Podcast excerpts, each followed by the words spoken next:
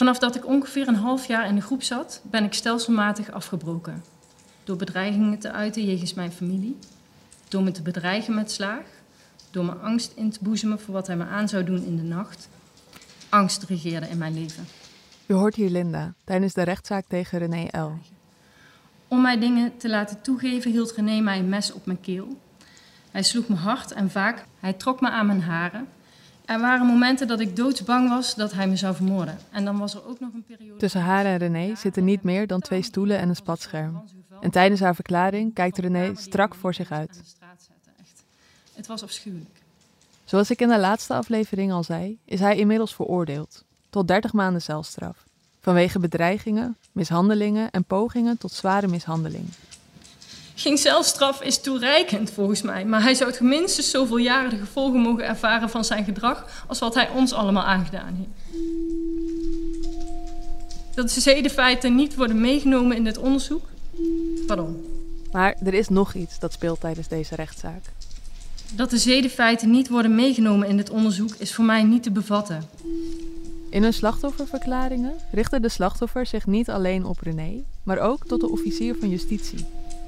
Wanneer u dit hele verhaal hoort, kunt u toch eigenlijk ook maar één ding concluderen. Het had niets met vrije wil te maken. Ze bedoelt de seks met René L. Daar denkt het OM namelijk anders over. Voor ze haar strafeis uitspreekt, reageert de officier van justitie hierop. Ik begin met de opmerking dat uh, door de slachtoffers vandaag naar voren is gebracht dat uh, zij het er niet mee eens zijn dat de zedenfeiten niet worden vervolgd. Um, het is moeilijk te begrijpen voor de slachtoffers dat het allemaal lang heeft geduurd en dat er een discrepantie bestaat tussen het hun ervaren gevoelde onrecht en de juridische mogelijkheden die we hebben om daartegen op te treden. Met name het verjaringsaspect en het aspect van dwang in de zin van 242 uh, zijn punten waarop de opinies uiteenlopen. En zo komen we weer uit bij die ene vraag. Wat is dwang? Artikel 242, zoals dat nu in de wet staat, vereist dat er een mate van dwang is. En die was er volgens de officier van justitie dus niet. Dus als al bewezen kan worden dat die seks er is geweest, wat René ontkent, dan zou die vrijwillig zijn geweest. En dat vind ik lastig te begrijpen. Want al dat geweld en al die bedreigingen en al die manipulatie, en er is nog steeds geen sprake van dwang? En daarom deze bonusaflevering, waarin ik dit uitzoek. Want klopt het dat er volgens de wet hier geen sprake was van dwang? Of heeft de officier van justitie een beslissing genomen waardoor René L. mogelijk wegkomt met misbruik? Je luistert naar een soort God, een podcast van de Volkskrant. Mijn naam is Simone Eleveld en ik maak deze podcast samen met Anneke Stoffelen.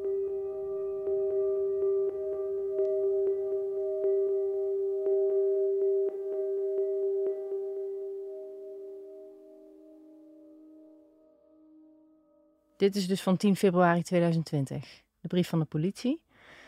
We hebben uw aangifte doorgestuurd naar het Openbaar Ministerie Limburg. Uw aangifte is bekeken door twee officieren van justitie en een parketsecretaris verbonden aan het zedencluster. We komen tot de conclusie dat er geen gereleveerde feiten of omstandigheden zijn om een nader onderzoek op te starten.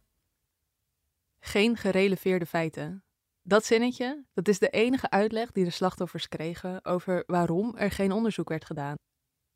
Je hoorde het goed, gereleveerde feiten. Ik heb het woord opgezocht in het woordenboek, maar dat maakt de zin niet duidelijker. Ik dacht, nou ja, hoe kan dat nou? Er zijn zoveel feiten gebeurd, er zijn zoveel verklaringen van mensen. Uh, ja, wat, wat betekent niet gereleveerd en niemand kan het aan je uitleggen dan? En ik was niet de enige natuurlijk die zoiets verklaard had.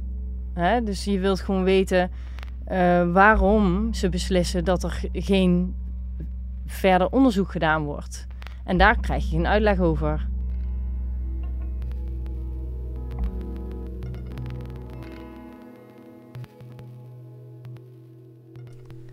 Hi. Ja, is die, uh, komt die goed nu? ja, ik, ik ben uh, direct aan het opnemen ook. Ik spreek persofficier Anneke Rogier in de hoop iets meer uitleg te krijgen over waarom deze zaak niet wordt vervolgd. Um, wat je daarover kunt zeggen, dat is het volgende. Kijk, bij zedenzaken is het altijd van belang dat op het moment dat mensen aangifte doen, dat je zoveel mogelijk doorvraagt en ook zoveel mogelijk context hebt. In dit geval hebben we daarom ook, en dat doen we eigenlijk altijd, eh, meer dan één mens, één jurist, één deskundige die vaker met zedenzaken actief is, meer dan één dus laten kijken naar een bewijs. En onafhankelijk van elkaar kijken ze dan naar zo'n dossier. Maar hoe, want er is nog geen onderzoek gedaan, dus hoezo is er al mogelijk om al naar bewijs te kijken? Ja, jullie zeggen dat er geen onderzoek is gedaan. Nee, ja, nee dus wat, uh, hoe wij het begrijpen is dat er alleen aangiftes zijn gedaan, maar dat er is bijvoorbeeld tijdens het verhoor van de verdachte niet eens een vraag gesteld over deze aangiftes. De aangiftes zijn opgenomen. Mhm. Vervolgens is er een uh, gesprek geweest. Dus op grond van de aangifte is nader onderzoek gedaan. Maar waar bestond dat onderzoek dan uit? Dat nader onderzoek? dat aan, het onderzoek bestond uit de context van de verhalen die de aangevers hebben weergegeven. Een lang verhaal kort. De analyse van de aangifte door de officieren, dat was het onderzoek. En in dat gesprek is dus vastgesteld dat er geen kausaal verband bestond tussen het geweld en alle andere dwingende omstandigheden in de secte en de seks. Om dat beter te begrijpen krijg ik hulp van rechtsgeleerde Kai Lindenberg. Ja, de hamvraag in een strafzaak is of het slachtoffer is gedwongen of niet. En de dwang zoals die geëist wordt in, in de strafwet zoals die nu is, die is vrij smal. Dat wil zeggen, de, de dwang moet eigenlijk voor dan ieder op dat moment te zien zijn. Onze wetgeving tegen verkrachting en aanranding, die komt uit 1886. Die is dus meer dan een eeuw oud. En deze wet die gaat eigenlijk uit van een situatie waarin een slachtoffer met grof geweld is verkracht of misschien zelfs is vastgebonden en zo gedwongen tot seks. En wat lastig is aan deze wetgeving, is dat, hoewel deze scenario's natuurlijk voorkomen, onvrijwillige seks in de meeste gevallen veel complexer is dan dat. Iemand kan bijvoorbeeld uit angst voor geweld bevriezen en zo de seks ondergaan. En ook dat kan een trauma opleveren, maar volgens de wet is dat dus niet per se strafbaar. En zelfs als iemand duidelijk nee zegt of huilt, en alsnog wordt binnengedrongen, is dat niet per se tegen de wet. Nee, dat klinkt heel gek, maar nog steeds zal nu bewezen moeten kunnen worden verklaard dat iemand redelijkerwijs niet anders kon. Onvrijwillige seks is pas strafbaar als je vier componenten kunt bewijzen. 1. Was de seks onvrijwillig? En 2. Wist de verdachte dat ook? En 3.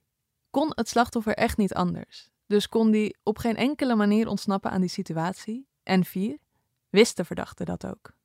En wat dat nee doet, hè, nee zeggen, uh, maakt het in ieder geval makkelijker voor de rechter nu om die onvrijwilligheid bewezen te verklaren. Uh, vervolgens de vraag, wist de verdachte ook wel van die onvrijwilligheid? Ja, want het slachtoffer heeft nee gezegd. Maar dan die laatste twee hobbels redelijkerwijs niet anders kunnen en dat de verdachte daarvan wist. Nou, dat blijkt hier niet, zonder meer. Ja, je hebt gewoon voor je gevoel niet echt een om op te staan. Als je gewoon, uh, ja, niet gewoon keihard hebt gezegd van ik wil dit niet. Er is sowieso wel een keer geweest dat je, dat je, niet, dat je gezegd hebt van ik wil dit niet. Maar het is niet zo. Ik bedoel, ik heb ook gezegd dat ik er wel mee instemde. De, dat is heel lastig. Ja, ze hebben het dan over een grijs gebied. Hè? En ehm, als je dus niet keihard nee zegt, dan is het dus dat je het zelf hebt gewild of zo. Maar ervaar je het als een grijs gebied? Nee, ik ervaar het niet als een grijs gebied. Hoewel ik wel in de periode ook wel, ja, dat moet ik wel zeggen, ik heb wel het gevoel gehad van ja, ehm, eh, of het dan niet toch mijn eigen schuld is geweest, natuurlijk. Hè? In zo'n periode nadat je uit de groep stapt, je bent totaal verward en je gelooft in het verhaal wat in je hoofd geplant is toen. Ehm, ik um, doe er al de hele tijd over, zeg maar, om dat te ontrafelen en te ontwarren. En op een gegeven moment zie je gewoon van, ja, jeetje, nee, dit is niet mijn schuld geweest. Maar um, ja, daar geloof je wel een tijdje in. En hoe ervaar je het als mensen dat benoemen als grijs gebied? Ja, ik snap dat wel. Want ehm,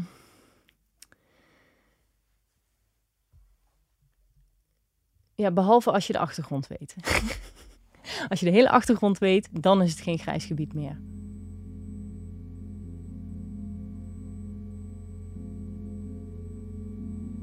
Maar in deze wet lijkt weinig ruimte voor achtergrond. Volgens Kai Lindenberg is het uitgangspunt van deze wet dat we alleen mensen moeten beschermen die zichzelf niet kunnen beschermen. Maar dat, dat is dus het, het uitgangspunt geweest al heel lang. Maar eigenlijk moet je nu zeggen dat het een ontzettend naïef uitgangspunt is. Naïef en schofferend. Schofferend zou je kunnen zeggen omdat uh, jouw spullen beter worden beschermd dan je seksuele integriteit. want als iemand, als je je tas naast je hebt staan en die wordt weggenomen, is dat hoe dan ook diefstal. ook al ga je er niet achteraan en ook al probeer je iemand niet tegen te houden. Maar als het gaat om je eigen lichaam, moet je je eerst verzetten of weglopen of uh, angstig genoeg worden om niks terug te doen. En dat is eigenlijk raar, vinden we nu. Daarom komt er ook een wetswijziging aan, waardoor het strafbaar wordt om seks te hebben met iemand zonder diens instemming. Dus als iemand huilt of niet meer reageert en de dader die gaat toch door, dan is dat onder de nieuwe wet sowieso strafbaar. Maar voorlopig moeten we het nog doen met de wet uit 1886. Gelukkig is er binnen de kaders van deze eeuwoude wet wel ruimte voor interpretatie. En het is heel erg in Nederland zo dat de, de rechter die er feitelijk over oordeelt, die heeft een behoorlijke bandbreedte om te oordelen of iets wel of niet verkrachting is. U hoort Margrethe Boer, een advocaat gespecialiseerd in gewelds- en zedenzaken en lid van de Eerste Kamer. En de criteria zijn dan wel duidelijk. Ja, er moet sprake zijn van dwang. Maar of een bepaalde handeling dwang is, of gebruik maken van een bepaalde situatie dwang is, dat wordt heel erg aan die feitenrechters overgelaten. En de rechter die kan dus ook bepalen dat een bepaalde situatie of een optelsom van gebeurtenissen samen tot dwang leiden. En de vraag hier is dan ook: leiden alle omstandigheden in de kung fu sector ertoe dat de slachtoffers geen andere keuze meer hadden? Dat is razend lastig. Als je het hebt over seksueel misbruik in, of seksueel geweld in een secte. Kijk, op het moment dat het, dat het op dat moment ook met geweld ging, of met dwang, of met. Uh, uh, dan is het eigenlijk hetzelfde als in alle andere situaties. Maar als het feit dat je in een secte zit de dwang is, dan is het razend ingewikkeld. Omdat hard te krijgen. Want eigenlijk zou je dan tot het oordeel moeten komen dat eh, op het moment dat je in die secte zit, dat je een soort van ontoerekeningsvatbaar bent. Ja, kort gezegd, gemanipuleerd worden of in zekere zin gedwongen worden over een hele lange periode, waarbij iemand uiteindelijk murf is geworden. Uh, en om het nog ingewikkelder te maken, misschien gedeeltelijk ook denkt dat ze wil wat er gevraagd wordt, ja, dat maakt het uiterst moeilijk om daar een bewezen verklaring, een veroordeling voor te krijgen. Wat lastig is bij misbruik in sectes, is dat de slachtoffers op het moment zelf de seks vaak zelf wilden. Bijvoorbeeld omdat het ze dichter bij verlichting zou brengen. En het bracht ze misschien niet daadwerkelijk dichter bij verlichting, maar zo'n leugen is niet strafbaar. En wat de reden ook is, als iemand instemt met de seks, is het in principe geen verkrachting. En, en het ligt er ook aan, dat is natuurlijk iets waar we het nu niet expliciet over hebben, maar wat natuurlijk op de achtergrond heel belangrijk is, is dat het manipuleren van mensen niet strafbaar is. Maar hoewel manipulatie op zich dus niet strafbaar is, kan het wel onder die omstandigheden vallen die samen leiden tot dwang. Met Margrethe Boer loop ik een aantal van de situaties in de kung fu secte door. En daarbij wordt ook gebruik gemaakt van groepsdruk bijvoorbeeld. Dus iemands zelfbeeld wordt echt actief aangepast tot diegene echt met hulp van heel de groep, tot diegene gelooft, nou, ik ben echt waardeloos. Mhm. En dan wordt de seks aangeboden als oplossing om minder waardeloos te zijn mhm. eigenlijk. Mhm. Zou dat uitmaken? Nou, laat ik het zo zeggen. Als ik officier van justitie zou zijn, zou ik het waard waard vinden om uh, ervoor te gaan. Om het te onderzoeken. Ja, om het te onderzoeken en ook om er een oordeel van de rechter over te vragen. Ja. Want volgens mij kun je niet zeggen dat het per definitie niet uh, strafbaar is.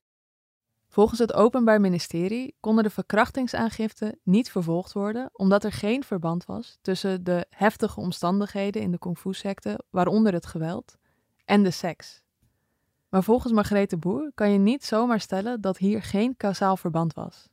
Nou ja, iemand klein maken en vervolgens zeggen van, uh, ja, als je nu seks hebt, dan uh, word je daar beter van. Dat zeggen en de seks zit wel degelijk kausaal verband tussen. Ja. En zeker als er dan ook nog sprake is van geweld, een afhankelijkheidspositie, iemand kleineren en vervolgens met iemand seks willen. Ik denk, ja, dat, dat ademt zo dat je dan die hele situatie en dat geweld gebruikt om iemand zover te krijgen. Dat, ja, ik zou zeggen dat dat, dat dat zou moeten kunnen. Ook is het niet zo dat er alleen een kausaal verband is tussen geweld en seks als die tegelijkertijd plaatsvindt.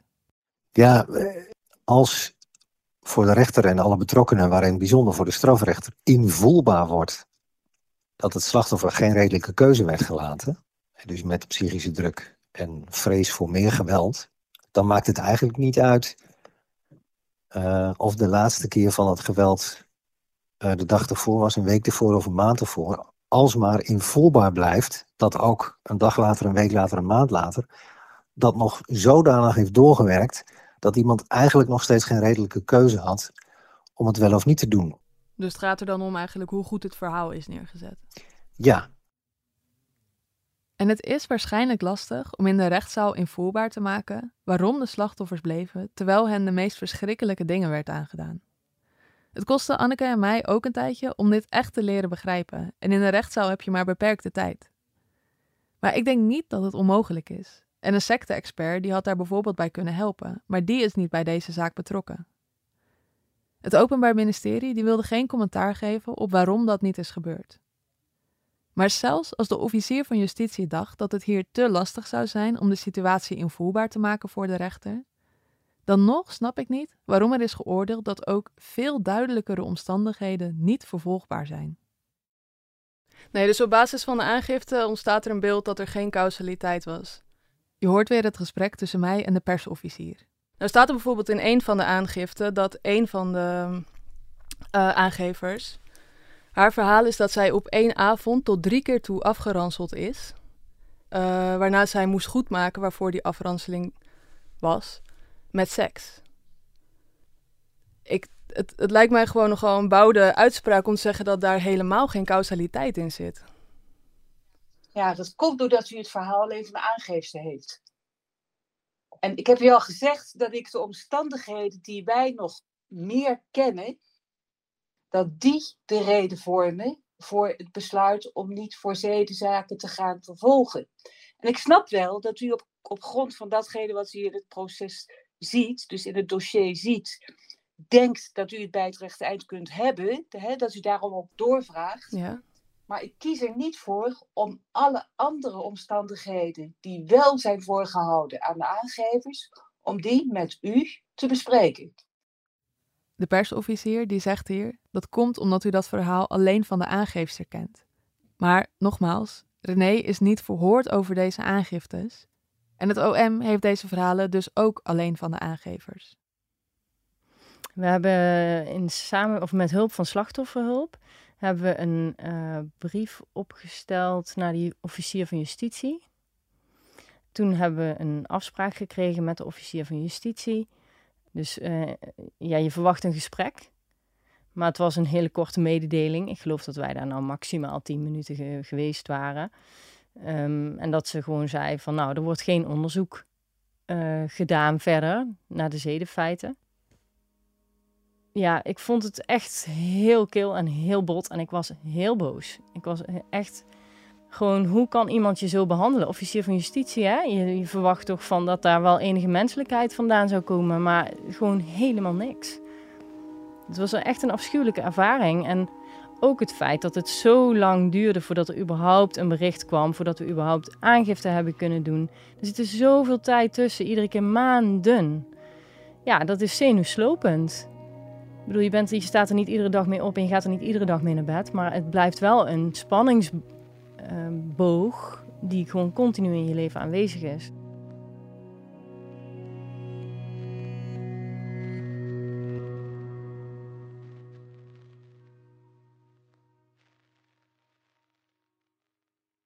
En dus die extra informatie die is naar hen toegekomen in dat gesprek, is het mogelijk dat zij die nog schriftelijk ontvangen? Nee. Nee, dat is alleen in dat gesprek kon die informatie met hen gedeeld worden. Zijn dingen gedeeld die ook zij zelf in onze optiek al kenden, wisten, meemaakten. En die hebben geleid tot een uitleg waarvan wij meermalen hebben gehoopt dat dat begrip, hè, dat dat landde. Maar die analyse die kunt u niet met mij delen, die is wel met de slachtoffers gedeeld. Maar uh, waarom kan die niet alsnog ook schriftelijk met de slachtoffers gedeeld worden? Omdat dat niet, niet de, de, de werkwijze is waarvoor wij moeten kiezen. Dat heeft alles te maken met het feit dat je veel liever mondeling uitlegt. En daarom is het ook fijn dat dat slachtoffergesprek heeft kunnen plaatsvinden omdat je dan een reactie weer ziet. Emotie speelt een grote rol hè, bij aangevers. Ja, maar wat u zelf ook zegt, is dat die emotie wellicht heeft gezorgd dat de informatie niet goed binnenkwam. En als u het nog een keer op schrift zou kunnen stellen, dan zou het misschien wel kunnen binnenkomen. Ja, wordt niet voor gekozen. Wordt nu niet voor gekozen. Ook niet als, zowel ik als de slachtoffers, nu echt niet begrijpen waarom deze keuze is genomen. En u zegt, die informatie was alleen in dat gesprek beschikbaar. Maar toen hebben zij door emoties dat niet binnen kunnen laten komen. Nou, ik weet niet zeker hè, of dat emotie is. Dat is een inschatting. Omdat ik nee, maar het feit is wel dat het niet is aangekomen. Er heerst veel onbegrip. Ik denk dat je dat wel kan concluderen, ja.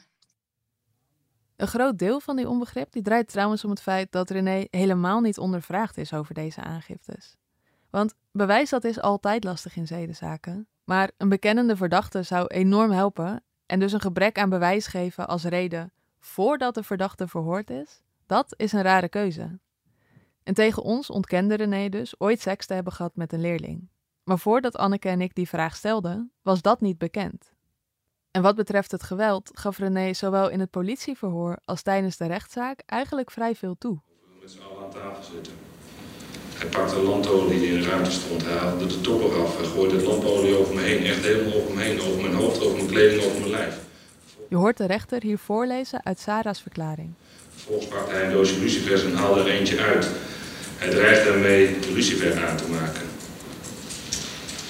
En ook dit feit is door anderen bevestigd.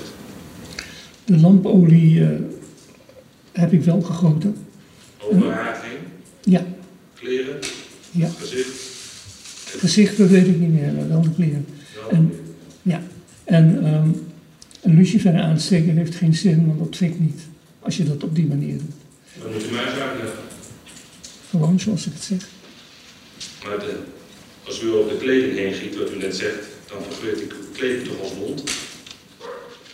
Ja, maar ik was er niet van plan. Dat was meer... Uh... Was er niet van plan om daadwerkelijk de daad bij te Nee, absoluut nee, niet. Maar de dreiging? Ja, ja, ja. ja. Uh, ga ik verder met het slaan met kracht tegen het gehoororgaan. Dit komt uit Linda's aangifte.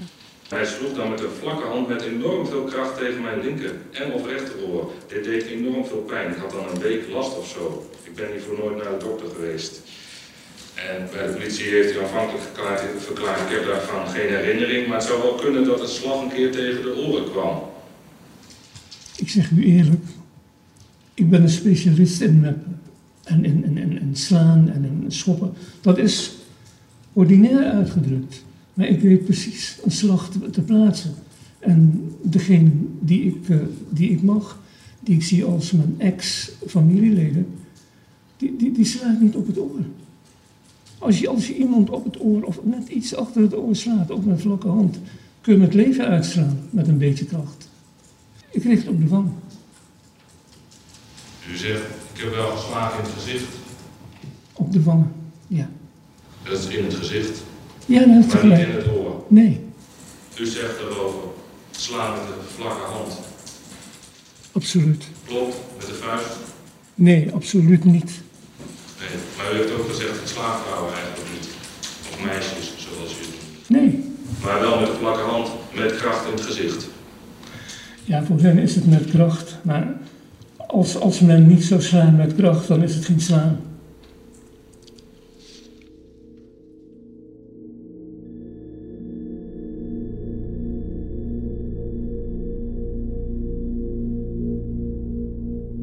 Als de slachtoffers een advocaat krijgen toegewezen, verbaast die zich ook enorm dat de zaak niet verder onderzocht is. En ook zij stuurt een brief en de slachtoffers krijgen nog een gesprek. Maar dat verloopt niet veel beter dan het eerste. Er werd gewoon niks gezegd totdat iedereen zat. Toen werd ons medegedeeld dat er geen onderzoek werd gedaan door de officier van justitie. En dat was het. Dus, oké, maar we komen hier om te, te bespreken waarom er geen onderzoek gedaan wordt. En het is ons wel duidelijk wat de conclusie was, zeg maar. Dus waarom krijgen we niet een onderbouwing dan hier? Dus ja, daar, dat, eh, ik dacht, nou, blijf maar even stil. Advocaten die eh, gaan even in gesprek dan daarover. Want ja, hoe werkt zoiets? Niet te vermurwen, die mevrouw. het was echt vreselijk, want ze, ze- nou, ja, hoe moet ik dat uitleggen? Ze zei, ik heb jullie dossier gelezen en kom niet op een andere conclusie uit. Dus er wordt geen onderzoek gedaan naar het zeden. Ja, dus had ik dus ook een glimlach op mijn gezicht van, hoe, van ongeloof eigenlijk. Zo van, hoe kan dit eigenlijk, weet je wel? En toen, nou, onderweg naar huis en de volgende dag, dan ben je, dat je eigenlijk denkt, nou, wat raar, wat een situatie is dit. Hoe kan dit toch? Maar ja, eh, toen was het een paar. Ik dacht eerst nog van, oh, het gaat wel goed met me en zo. En ik heb het weer verteld. En, eh, of hè, ik heb dit, weer- deze confrontatie gehad, maar ik trek het wel of zo. Maar ik weet niet. Ik, op de een of andere manier heeft het me zo geraakt. Ik ben werkelijk, ik ben twee maanden daar echt van de kaart van geweest. Gewoon twee maanden hartstikke negatief, depri, somber, ziek. Ja, echt waar. Debiel gewoon. Hoe een impact dat had.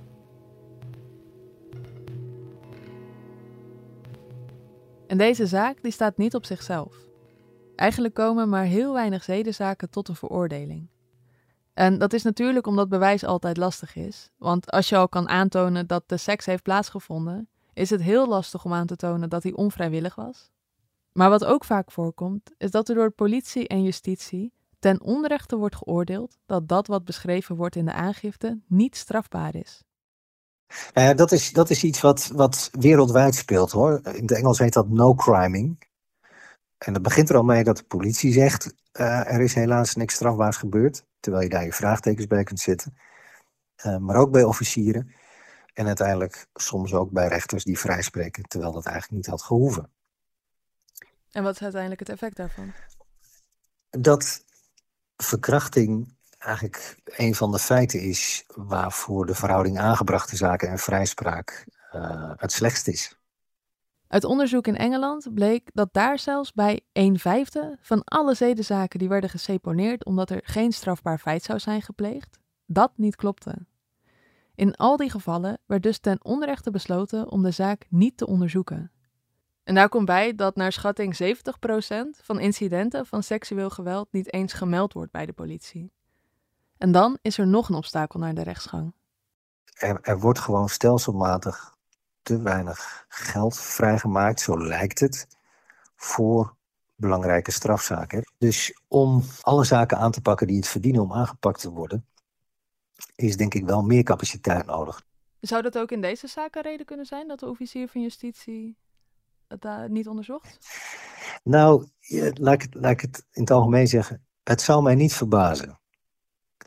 Het zou mij niet verbazen dat een officier die ziet dat hij een zaak vrij eenvoudig kan rondkrijgen door te vervolgen voor bepaalde feiten die samen dan weer een krachtig statement kunnen maken, om honderd keer zoveel uren eraan te besteden, te moeten besteden, om dat extra feit erbij te pakken, wat natuurlijk ongelooflijk belangrijk is voor slachtoffers.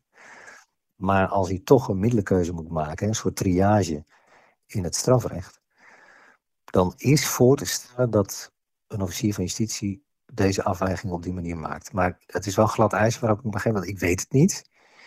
Maar ik weet wel dat officieren vrij regelmatig voor dit soort keuzes komen te staan. Ik heb dit ook aan de persofficier voorgelegd En die stelt dat, hoewel er inderdaad niet genoeg mankracht is om alle zaken die dat verdienen te vervolgen, die overweging hier geen enkele rol heeft gespeeld. En ook is hier niet geoordeeld dat dat wat in de aangiftes beschreven wordt niet strafbaar is.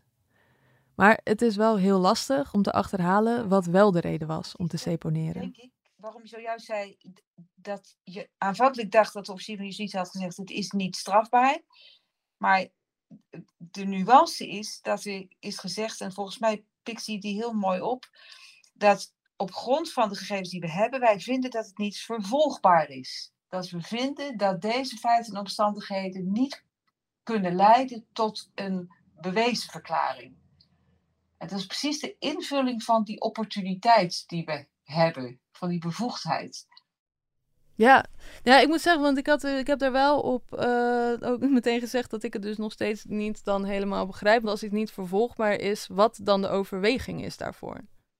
Ja, ja, en nou ja, dat, daar zit ons, ons, ons loopgraafje ook, ben ik bang. Ja. Onze sloot tussen datgene wat u weet en kunt, kunt begrijpen en kunt analyseren. En datgene wat ik van de zaaksofficier nog extra weet. Waardoor ik zeg, ja, ik snap heel goed waarom je dat besluit neemt. En waarom je zegt, ik wil daar in volle omvang alleen voor de mishandeling en de bedreiging gaan. Die is bewijsbaar. En als ik de zedenzaken aanbreng, dan zie ik ervan komen dat die echt niet tot een veroordeling gaan leiden. Maar u zegt, want het is het wel een bewijskwestie dus uiteindelijk. Het is een, een vervolgingsbesluit op grond van de feiten en omstandigheden. En wij zeggen inderdaad dat we vinden dat zeer voorspelbaar is dat die zedenzaken niet tot een wettig en overtuigend bewijs kunnen leiden. Ja, maar dat is voordat het is voorgelegd aan de verdachte. Want dat had wel natuurlijk wat uit kunnen maken. Ja, zal ik nog even nagaan, want dat het helemaal niet voorgelegd is aan die verdachte, misschien kan ik daar wel iets meer over zeggen. Dat weet ik niet. Dat, dat heb ik namelijk niet besproken met die zaakzoekers. Als u dat zou kunnen nagaan, dan zou dat uh, fantastisch zijn, ja. Ja, als ik daar iets meer over kan zeggen, dan bel ik u nog even terug. En nou, überhaupt bel ik wel even terug, ook als ik er niks over kan zeggen.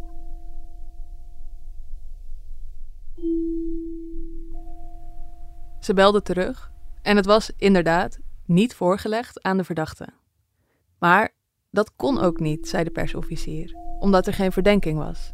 En er was geen verdenking omdat er geen bewijs zou zijn voor de causaliteit tussen de dwang en de seks. En ik blijf dat een gek verhaal vinden.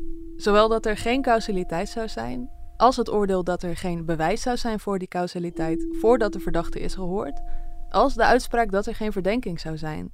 Want er lagen drie aangiftes van verkrachting, met een verdachte die wel werd onderzocht en later ook is veroordeeld voor bedreigingen en geweld. Het is niet per se haar schuld, uh, hè, ik bedoel, wat me overkomen is natuurlijk niet haar schuld. Hè. Zij heeft dat niet gedaan.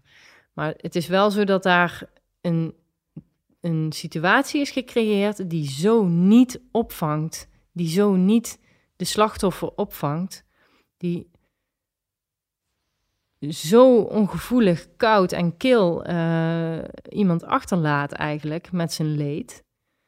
Dat is echt onbeschrijfelijk.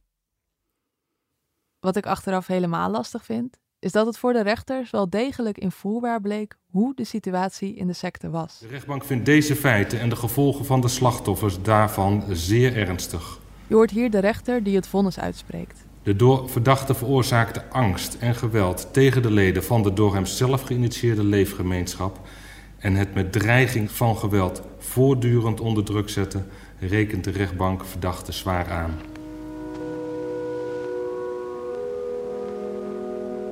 En nu kreeg René 30 maanden voor de mishandelingen, bedreigingen en pogingen tot zware mishandeling. Maar wat als de zedenfeiten wel waren meegenomen? Nou goed, ja, natuurlijk. Op het moment dat je het uh, vonnis eigenlijk hoort, dan ik was heel blij. Ik was echt opgelucht, blij. Tegelijkertijd ook dat ik dacht, ja, uh, ook weinig hè, voor wat er allemaal gebeurd is maar wel het hoogst haalbare voor de feiten waarvoor hij nu berecht is.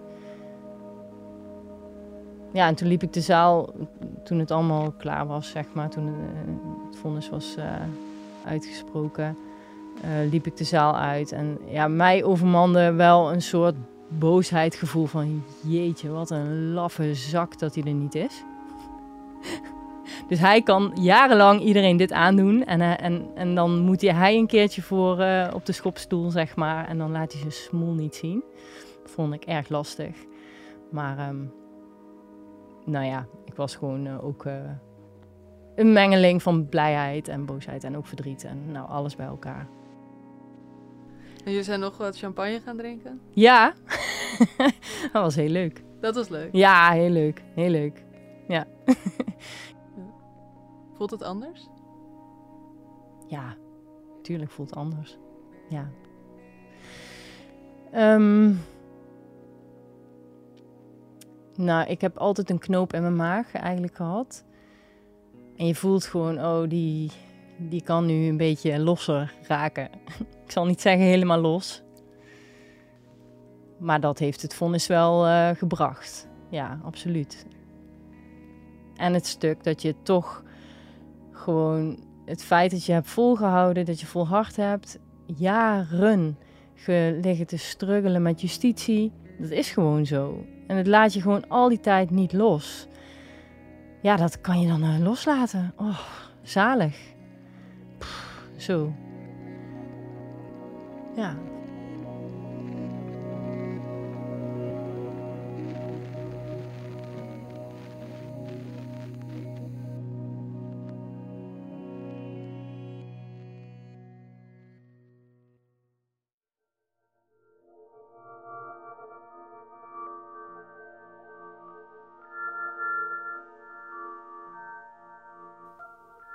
Je luisterde naar Een soort God, een productie van de Volkskrant. Mijn naam is Simone Eleveld en ik maak deze podcast samen met Anneke Stoffelen. De muziek die je hoorde is gemaakt door Michel Banabila en Rutger Zuiderveld. Het sounddesign is gedaan door Mona de Brouwer. Ons logo is ontworpen door Matteo Bal en Titus Knechtel. En de communicatie die werd verzorgd door Emilie van Kinschot. Eindredactie Corine van Duin en Kevin Goes. En heeft deze aflevering veel bij jou losgemaakt en zou je daar met iemand over willen praten? Dan kan je bijvoorbeeld bellen of chatten met het Centrum voor Seksueel Geweld. Je bereikt ze via 0800 0188 of via www.centrumseksueelgeweld.nl.